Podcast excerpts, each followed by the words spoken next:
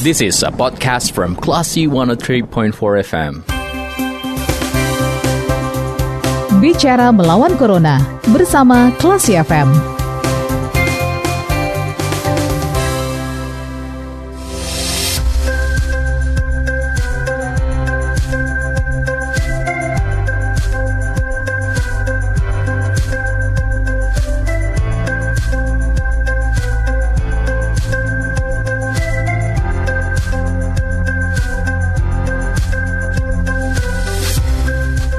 103,4 kelas FM bersama kita lawan Corona. Selamat sore Classy People. Saatnya Anda mencermati bicara melawan Corona dan sore hari ini kita akan ngobrol itu bersama Bapak Agus Sudipyo Dewan Pers, Ketua Komisi Hubungan Antar Lembaga dan Luar Negeri.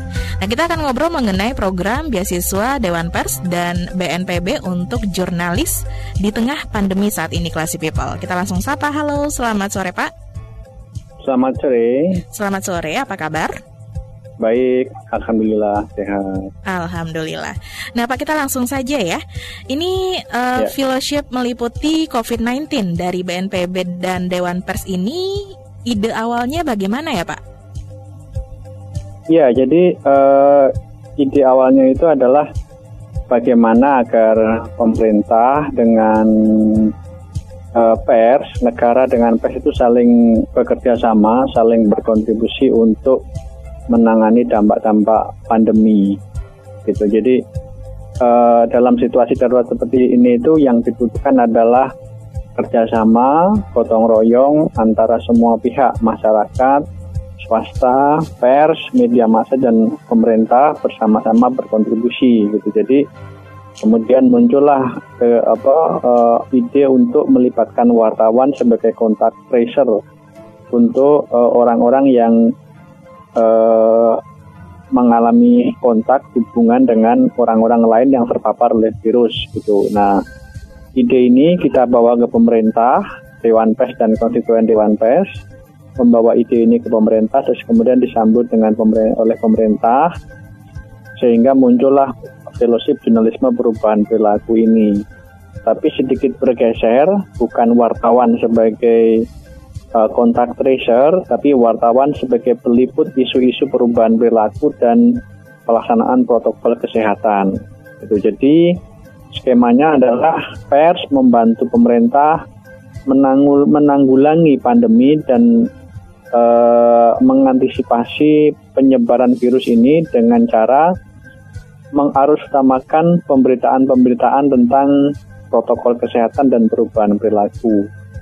Tetapi di saat yang sama, program ini juga menjadi solusi bagi teman-teman wartawan yang terkena PHK atau terancam PHK karena e, para peserta para wartawan yang menjadi peserta fellowship ini uh -huh. itu juga akan mendapatkan insentif kurang lebih dua juta ratus 75.000 per bulan kurang lebih. Jadi nanti ya eh, sekitar udah sekitar 2 juta itu per bulan selama tiga bulan dengan kewajiban menulis 15 berita eh, harian dan satu features atau in-depth reporting tentang perubahan perilaku atau protokol kesehatan selama satu bulan.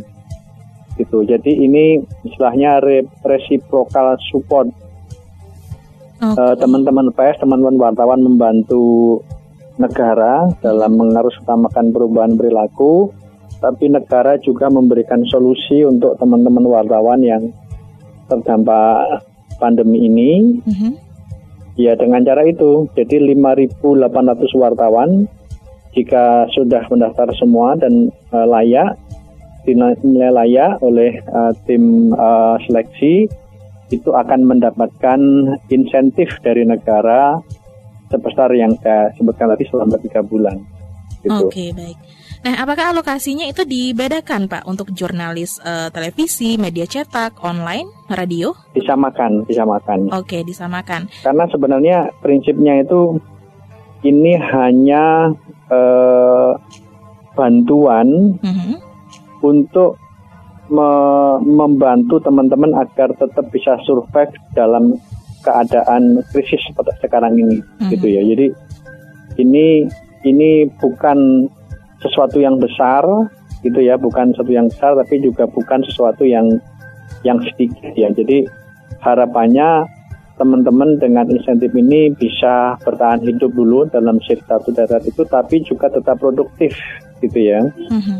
Jadi insentif untuk wartawan tidak diberikan secara cash gitu ya seperti bantuan langsung tunai tapi diberikan secara programatik. Artinya tetap ada kewajiban yang harus dijalankan oleh teman-teman untuk membuat liputan-liputan tentang perubahan perilaku gitu. Okay, Dan baik. dalam liputan perubahan perilaku ini, uh-huh. meskipun ini program pemerintah, bukan berarti uh, pemerintah meminta agar pemberitaannya positif terus. Jadi uh-huh. Tetap saja teman-teman pers itu tetap bisa membuat pemberitaan-pemberitaan yang mengevaluasi atau mengkritik kinerja pemerintah dalam menanggulangi pandemi ini. Kalau Dewan Pers sendiri, yang penting apakah itu bentuknya evaluasi, kritik atau bentuknya afirmasi, kode etik jurnalistik harus ditegakkan secara konsekuen. Oke, lalu uh, siapa yang uh, menseleksi untuk memilih uh, jurnalis dari seluruh Indonesia ini, Pak? Kenapa? Gimana? Siapa yang akan uh, menseleksi untuk memilih seluruh uh, jurnalis yang jadi, sudah terpilih? Uh, dibentuk. Jadi sebenarnya pendaftarannya itu kan secara online ya. Mm -hmm. Jadi pendaftarannya online, syaratnya itu jelas, misalnya harus punya kartu UKW atau UKJ, uh, medianya terdaftar di Dewan Pers, mendapat rekomendasi dari media yang terdaftar di Dewan Pers, uh-huh. dan mendapat rekomendasi dari asosiasi. Jadi tiga ini syaratnya itu minimal harus punya satu, salah satu dari tiga ini, gitu ya. Jadi uh, punya kartu UKW UKJ, medianya terverifikasi Dewan Pers dan uh, mendapatkan rekomendasi dari asosiasi. Salah satu aja cukup untuk mendaftarkan oh, itu.